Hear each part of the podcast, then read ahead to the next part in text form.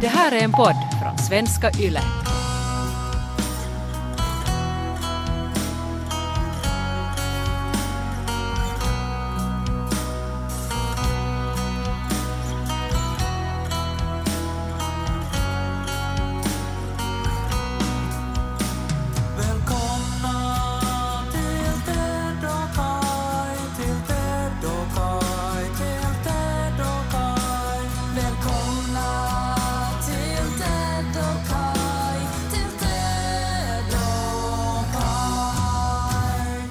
Varmt välkomna till Terrokai-podden. inspelad i bastun. Är det därför det var varmt välkommen? Ja, vi är ju inte riktigt inne i bastun. Vi är ju i bastuns tambur. Det är så här pre-bastu. Det var ju här som det var som mest spännande när man var tonåring. När pojkarna bytte om. Mm. Och kläderna rykte.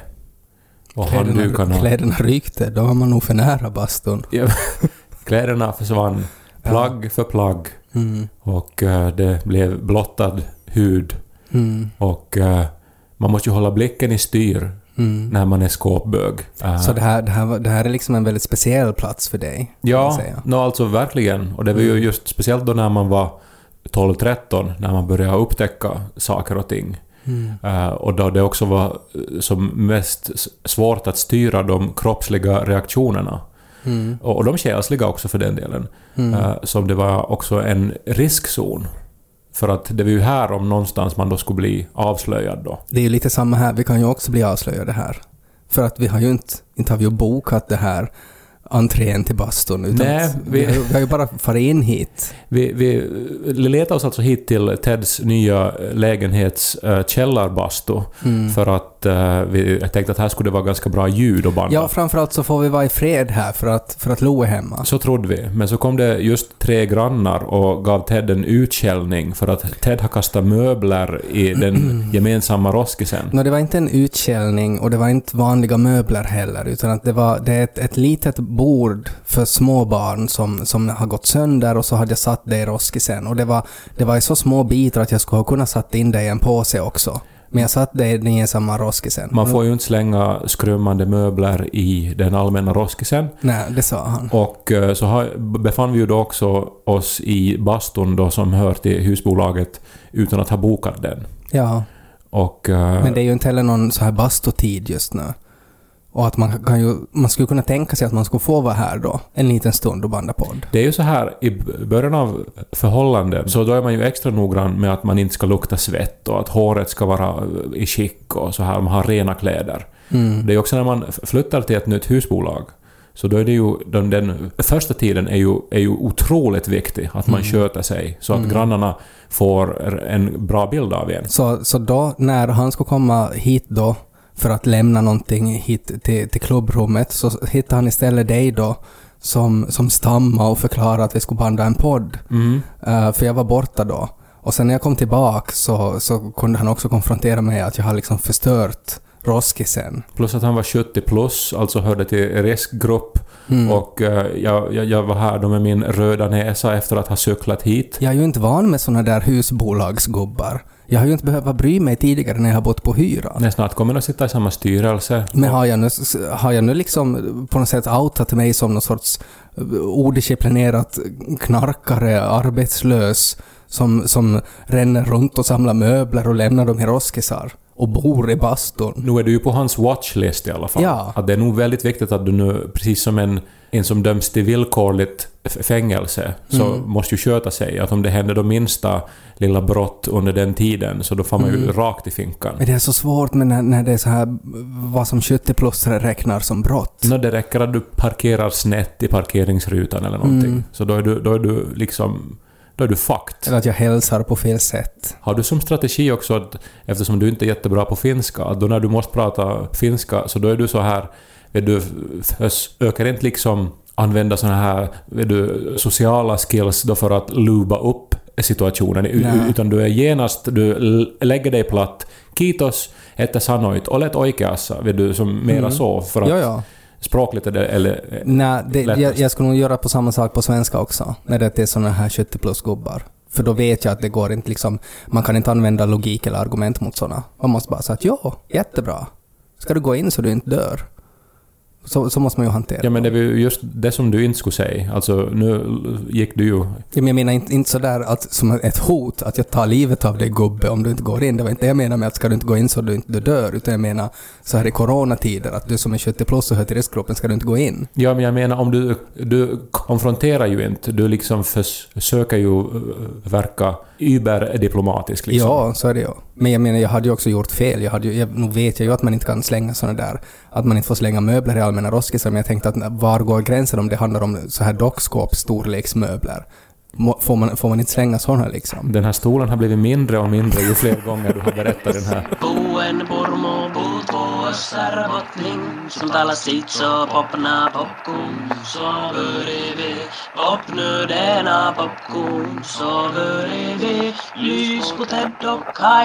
Den eh, 8 maj 2015.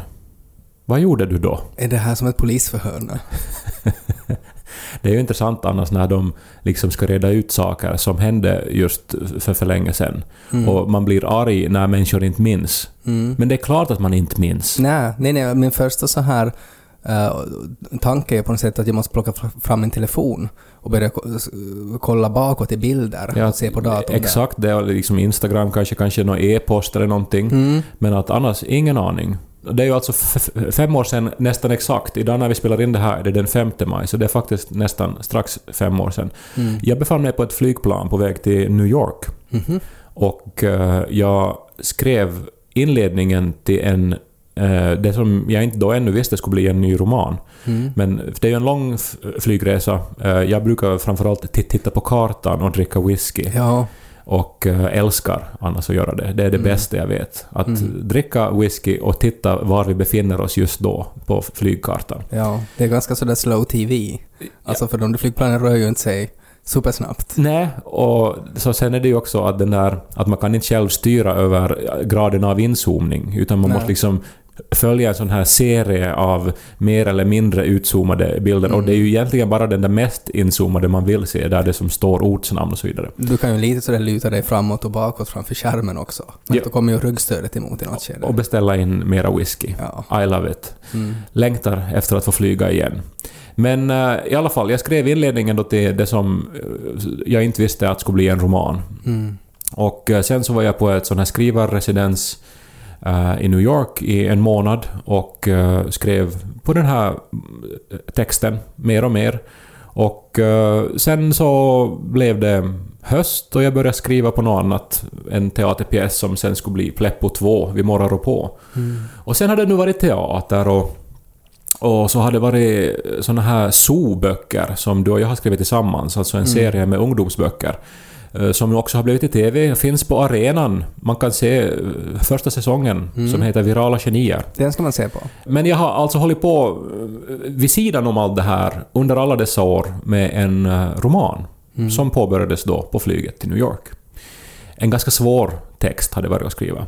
Varför det? Varför vanligtvis skriver du inte något lätt? Ja, nå, det är en bra fråga. Jag tycker inte att jag kanske kan välja det alltid heller. Det, det blir nu lite vad det blir. Eh, men det här har varit speciellt svårt. Kanske för att det har varit sådana här avbrott, andra saker. Mm. Eller så för att, eh, ja, det här nu helt enkelt har varit en, en sån text som har krävt mera tid. Låter lite som att du letar ursäkter här nu. Ja, det är svårt eh, att skriva roman, det kan jag säga. Att eh, alla, alla som drömmer om att skriva och tänker så här att ja, att om jag skulle ha mera tid så skulle jag nog skriva en bok. Så de skulle man vilja slå i facet. Mm. För det handlar inte bara om, om det. Eh, det, det. det är väldigt svårt, eh, men eh, också väldigt givande. Och ibland blir det färdigt. Men den här boken då så, så verkar inte riktigt bli färdig. Och jag, jag gav upp med den i något skede och sen så försöker jag skriva något annat. Och, och så gav jag det en ny chans och, och så körde jag in i återvändsgränder igen och så här. En väldigt svår process. För ett år sedan så, så skulle jag ju gifta mig snart. Och det var ju mycket planer på gång och eh, mycket ordnande och ställande. Du kanske minns det här? Mm. Jag vet ju inte allt vad du höll på planera. Nej, jag var, ju, jag var ju med där och ordnade och ställde. Ja, vi höll ju mest på med så här att eh, boka band och boka catering och ordna med lampor och så vidare. Mm. Och hitta kläder. Herregud vad det fanns mycket olika saker att hålla reda på. Mm. Eh, och jag var ganska stressad, också nervös inför bröllopet, som, jag ju, som är ju den största festen jag någonsin ordnat. Och samtidigt eh, så ramlade min roman ihop. Och då hade jag jobbat med den från och till i fyra år. Har du printat ut den på papper och bundit den slarvigt och så bara ramlade den ihop? Nej, no, det, det var mera strukturellt. Hi, hi, historien gick in i någon sorts återvändsgränd som kändes den här gången slutgiltig. Mm. Och eh, eh, jag, jag var väldigt uh, ledsen för den saken för att jag hade jobbat så mycket med den här. Och så var typ nästan också... Eller jag kände liksom att min, min, min yrkesroll var i gungning. För att jag är liksom 36 år, en vuxen man som har satsat ändå på skrivandet. Och eh, om jag håller på i fyra år med någonting och det inte blir till någonting, vad säger det om mig som yrkesman och så vidare? Jag hade så här kriser. Ja. Och eh, plus förstås allt jobb som jag hade lagt ner, var det i onödan. Mm. Och eh, i det här skedet då, när jag var stressad inför bröllopet och stressad med jobbet, så då ringde eh, en av våra nä- nä- närmaste vänner, som också var Nikos best made på bröllopet, och ville ha råd inför Nikos svensexa. Och jag visste ju att det här är ju viktigt för Niko, att eh, nu ska det ordnas svensexa. Mm. det Och, är ganska eh, mycket jobb att ordna en svensexa. mycket jobb med det också och eh, jag, jag stod till tjänst på alla sätt som jag kunde och det var inte egentligen jag som måste ordna så mycket praktiskt. Men min roll var typ att hålla det här hemligt för Niko och se till så att jag höll koll på var han befann sig i vissa tider och så vidare. Och uh, nåja, jag försökte mitt bästa då och, eh, och smög omkring och så här läste i Nikos kalender så här vad, vad han hade liksom inbokat och så här så att jag skulle som veta var, var, han rör sig då utan att förstås avslöja för honom då att det ska bli svensexa. Men så närmade sig den här dagen och allt blev som jättekomplicerat.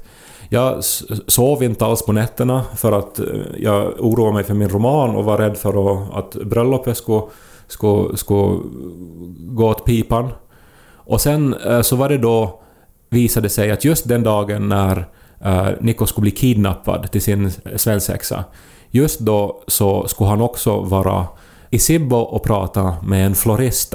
Och det här var liksom nu då tydligen inbokat. Mm. Och då blev det liksom för, för mycket i mitt huvud. Så då bröt jag samman och sa att Niko, då på fredag kan du inte fara och prata med floristen. Och så sa han, varför inte då? Och så sa jag, nej, det går inte. Så, men varför inte? Du kan inte fara då, du måste vara här. Och uh, mer än så sa jag inte, men jag såg ju i hans ögon att han förstod vad det handlade om. Eh, det var ju bara några veckor före bröllopet också, så att, och det Man var skulle- fredag. Man skulle ha kunnat tänka också att du har på något sätt fått någon sån här vad heter den? Premonition heter det på engelska. Att du är sådär att om du går till Sibbo då så kommer du att dö. Att du blir överkörd i Sibbo. Att du måste stanna hemma. Nico, jag vet att det här låter crazy men att jag fick en sann dröm just. Att jag skulle ha blivit en sorts sån här Carol Baskin och liksom s- skrattat och, och liksom varit att... Hellre det än att spoila att han har svensexa då. Nå, ja, alltså... ehm, sen så blev det ju då så att Niko var hemma den dagen och han blev kidnappad. Mm. Och så var ni utan blommor på bröllopet. Nej, vi ordnade på ett annat sätt. Men uh, Niko anade ju då att det skulle bli så. Han, han visste ju inte vad de skulle göra och så vidare. Och han hade en rolig jag, ty- svensexa. jag tycker det är helt fine. Alltså så länge man vet att det, det kommer att ske. Ja. Liksom. Man vet ju inte vad, vad, vad som händer. Tack för att du säger så, men eh, jag kan säga att jag har mått dåligt för det här ända sedan dess. För att det här var ett så tydligt misslyckande från mitt håll. Och det var också den enda chansen. Det är ju den enda svensexan han någonsin kommer att ha. Och att jag då inte klarar av att, eh, att sk- sköta min del av det hela, så känns som ett misslyckande. Och har känts sedan dess.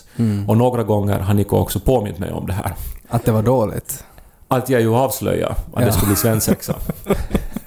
Men alltid när vi har pratat om det här så har jag sagt till Nico att ja, men vet du vad? Jag har aldrig mått så dåligt i mitt vuxna liv som jag gjorde den där månaden. För att eh, jag var så rädd för bröllopet och eh, jag var så nersänkt i ångest över att den här romanen, som jag hållit på med så länge, Mm. inte verkar bli till någonting. Att det du säger att, att sorry Nico, men att jag satte jobbet framför vårt gemensamma liv. Ja, men mi- mitt jobb är, är speciellt för det är med mig dygnet runt också och det är också på något vis väldigt nära kopplat med vem jag är. Eh, För att det liksom sker inuti mig och, och, och det handlar om, om min på något vis tankeförmåga, min, alltså det är ju själslig kraft man använder när, man, när Mm. Ja. man ska hitta på och Du blir, skriva. ju, du blir ju till en jättejobbig person när det går dåligt med ditt skrivande. Ja, alltså när det går dåligt med skrivande så då är jag satan själv. Mm. Men när det går bra så då är jag liksom, eh, vet du, Ryan Gosling och Albert Einstein och liksom eh, har enorm kuk och liksom är jättebra i sängen. Mm. Tror du att den här gubben som kom och var arg på mig, jag tror att han håller på med sin roman nu och det går jättedåligt. Och han började med den när han var 36. Han är 70 plus nu och inte fått den färdig. Nå, vet du, man borde ta det som ett alternativ. Alltså, alltså att man... all- Det är ju det här att man ska ju gå i någons skor innan man Mm. dömer ut dem. Mm. Och att man vet ju aldrig vad människor har Nej. gått igenom. Att jag borde ha satt en hand på hans axel och sagt att är det så, farbror, att det går dåligt med din roman? Och så ska han sagt och börja gråta. Alltså nu, jag, jag får riktigt så här gåshud när du säger det för att, för att jag kan se mig själv för att jag ger ju heller inte upp.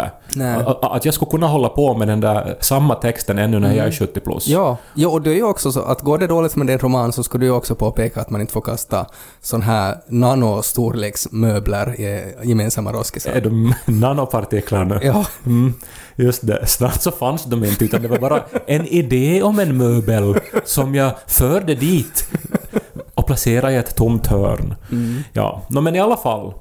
eh, det här blir kanske en lång historia nu men bear with me. Mm. Eh, för att nu fyllde Niko 30. Igår. ja, 30-årsdag. ja, jag såg det. Det Ja. såg ut som att ni hade jätteroligt. Ja, och... Såg eh, jag på sociala medier. eh, Och det- tänkte att ja, det är ju ganska långt till Nordsjö nu för tiden så. Nå, ni, ni skulle ha blivit bjudna om inte det skulle ha varit corona förstås. För att uh, Niko hade ju planerat en stor 30-årsfest redan Mm. för länge sedan.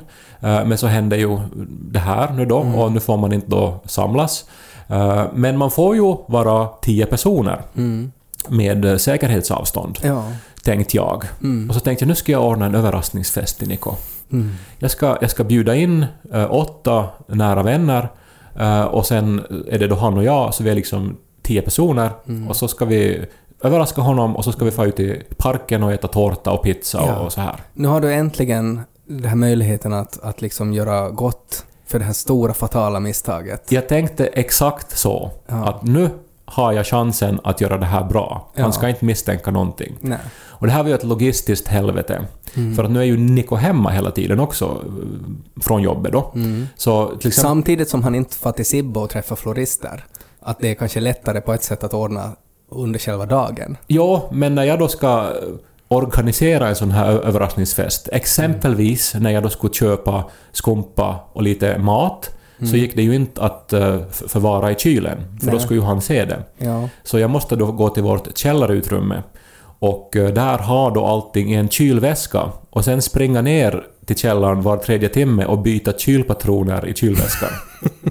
Sånt här har jag hållit på Det är med. ganska hardcore. Och sen så, eh, eftersom det var hans... För, bara som en parentes, vad skulle du ha sagt om han liksom skulle ha stött på dig då i tamburen när du har liksom fullt med kylpatroner under tröjan? Vad skulle du ha sagt att, vart du ska fara med dem? Nå, jag, Jag ska inte fara någonstans, Niko. inte någonstans. Kan du stanna där uppe nu? Till, och inte titta hit. Det är liksom där... Ingenting skumt på gång. För att vara författare så det är just där som din fantasi tar slut. När det kommer till att hitta på en så här snabb lögn. Men det, jag, jag hatar att ljuga eh, för de människor som är mig nära. Och, och, och det är också jättesvårt. Jag, jag är hemskt dålig på det för att jag hatar det så, så, så mycket så att det börjar liksom... Jag blir konstig när jag ska göra det. Nåja, men jag hade väl planerat dessa färder ner till källan så jag träffade aldrig på Niko där då. Så allt det gick bra. Nå, det var ju då igår, eh, den stora dagen då, eh, som han då... Det här skulle hända då. Och Niko hade ju börjat planera på egen hand då att han skulle träffa nå- några vänner på kvällen. Och det Var det, var det samma vänner som du hade bjudit in då? Delvis, ja. Okej. Så eh, det här var ju också så här ett stressmoment att jag måste ju på något vis få honom att inte liksom boka in någonting innan det här vårt överenskomna klockslag i alla fall och så Ja. vidare. Nåja, det var jättesvårt, men han anar ingenting. Mm. Under de senaste månaderna har jag suttit nu då och jobbat intensivt med den här romanen. Mm. Ett år senare fortfarande samma roman. Eh, men nu har det mesta ordnat sig.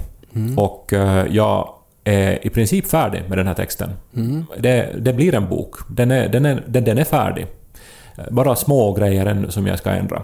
Och eh, jag satt igår i väntan då på att eh, alla vänner skulle dyka upp. Eh, Så satt jag och läste igenom den här boken då för tredje gången faktiskt. Mm. För att jag nu då ska precis skicka in den då till agenter och till förlagsredaktörer. Tiden gick långsamt, jag läste, jag hoppades att Nico inte skulle få något infall att nu ska han plötsligt då fara till Sibbo eller någonting.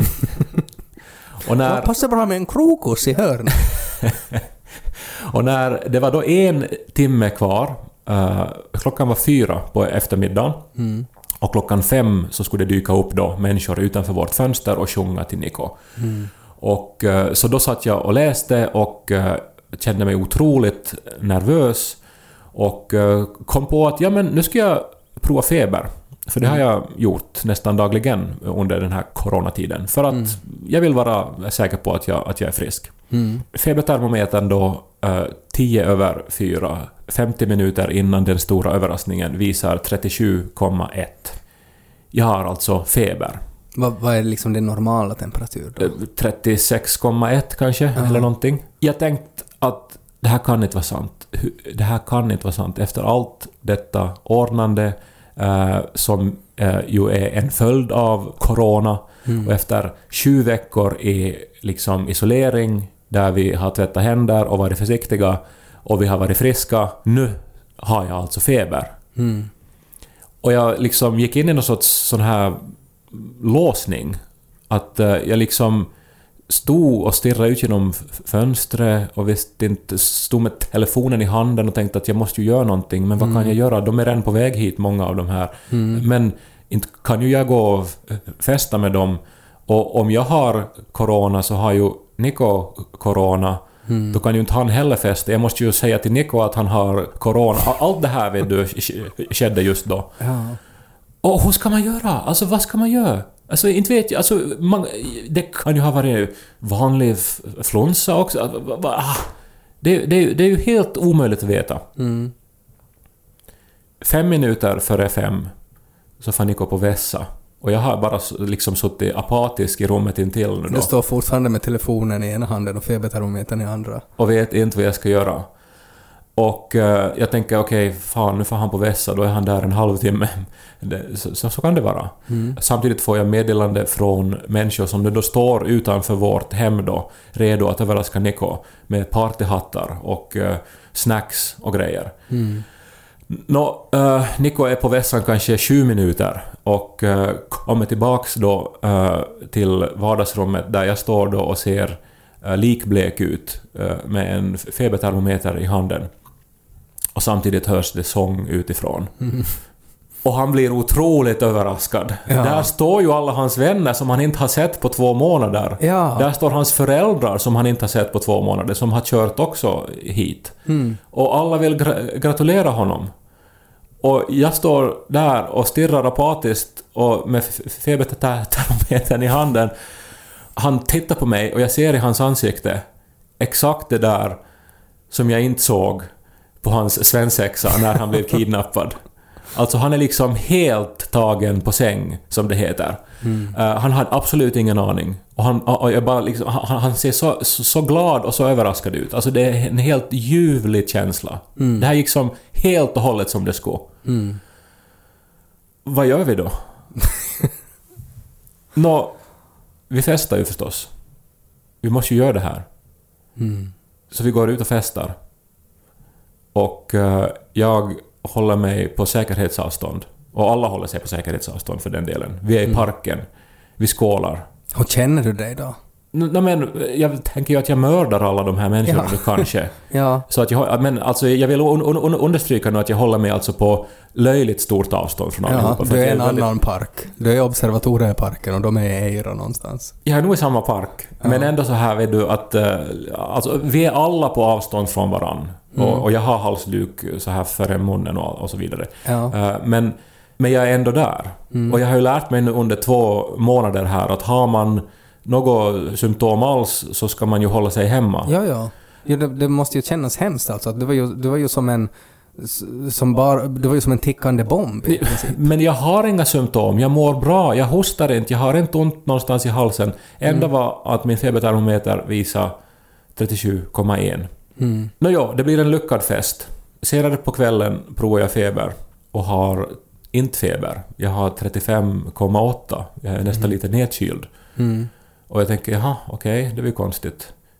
Provar igen. Samma temperatur, 35,8. Eh, jag vaknar i morse, uh, mår jättebra. Jag provar febern, 35,8. Kollar på min eh, nya fanciga klocka som också mäter puls och EKG och allt sånt här. Att det är ju som jättenormalt allting här. Att jag mm. verkar ju liksom må otroligt bra. Ser också en anomali i pulshistoriken. Att just klockan tre och fyra eh, dagen innan då så har min puls alltså legat på ungefär 145 till 155, alltså som om jag är ute och springer. Just då också när min temperatur eh, var förhöjd. Mm. Och jag började tänka då, kanske jag inte har corona ändå? Kanske det var för att jag satt och läste min roman som är färdig och förstod att den funkar. Förstod att den var ganska spännande. Att den håller ihop. Att det var så här inre värme som du fylldes av. Att jag har klarat det efter fem år. Och att det var det som gjorde att kroppen reagerade.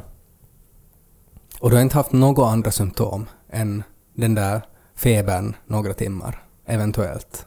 Räknas det här att musklerna sväller och penisen blir liksom dubbelt så stor? Det här som händer då när man har lyckats skapa någonting nytt. Det, det, det forcerar så mycket blod i din kropp så att, att din temperatur höjdes med en grad.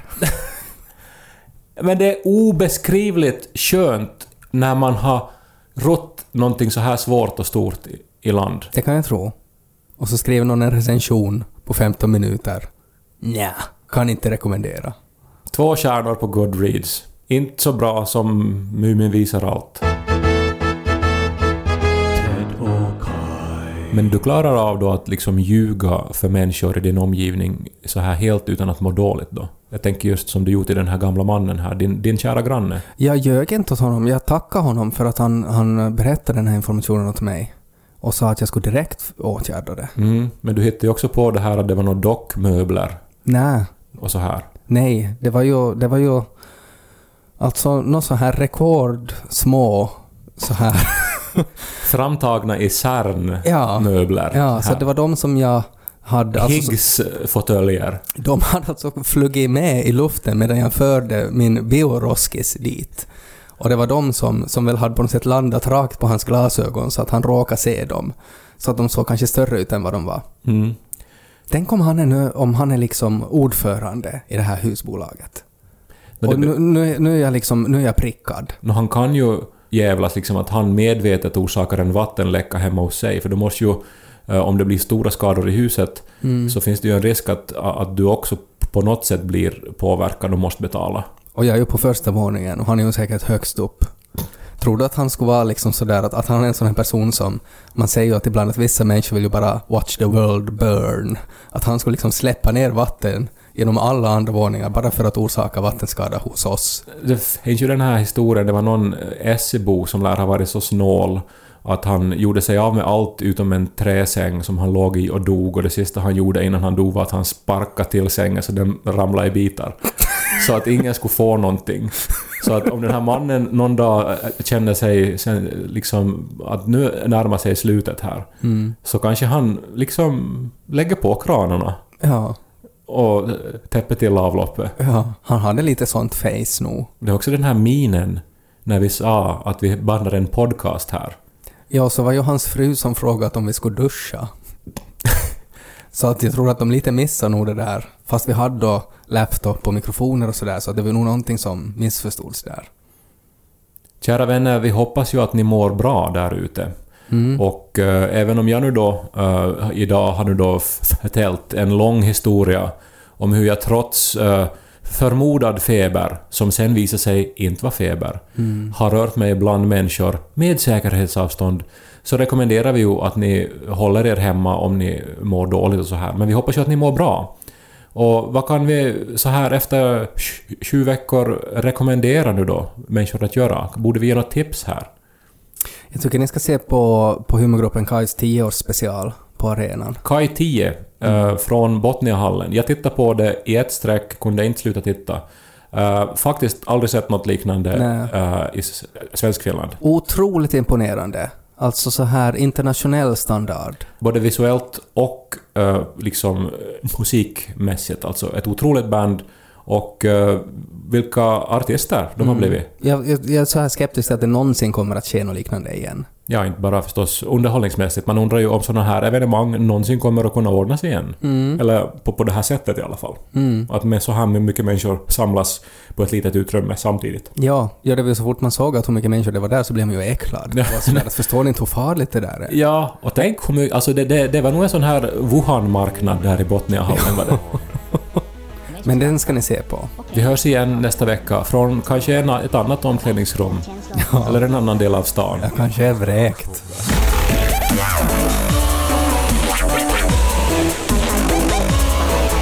Mel Gibson.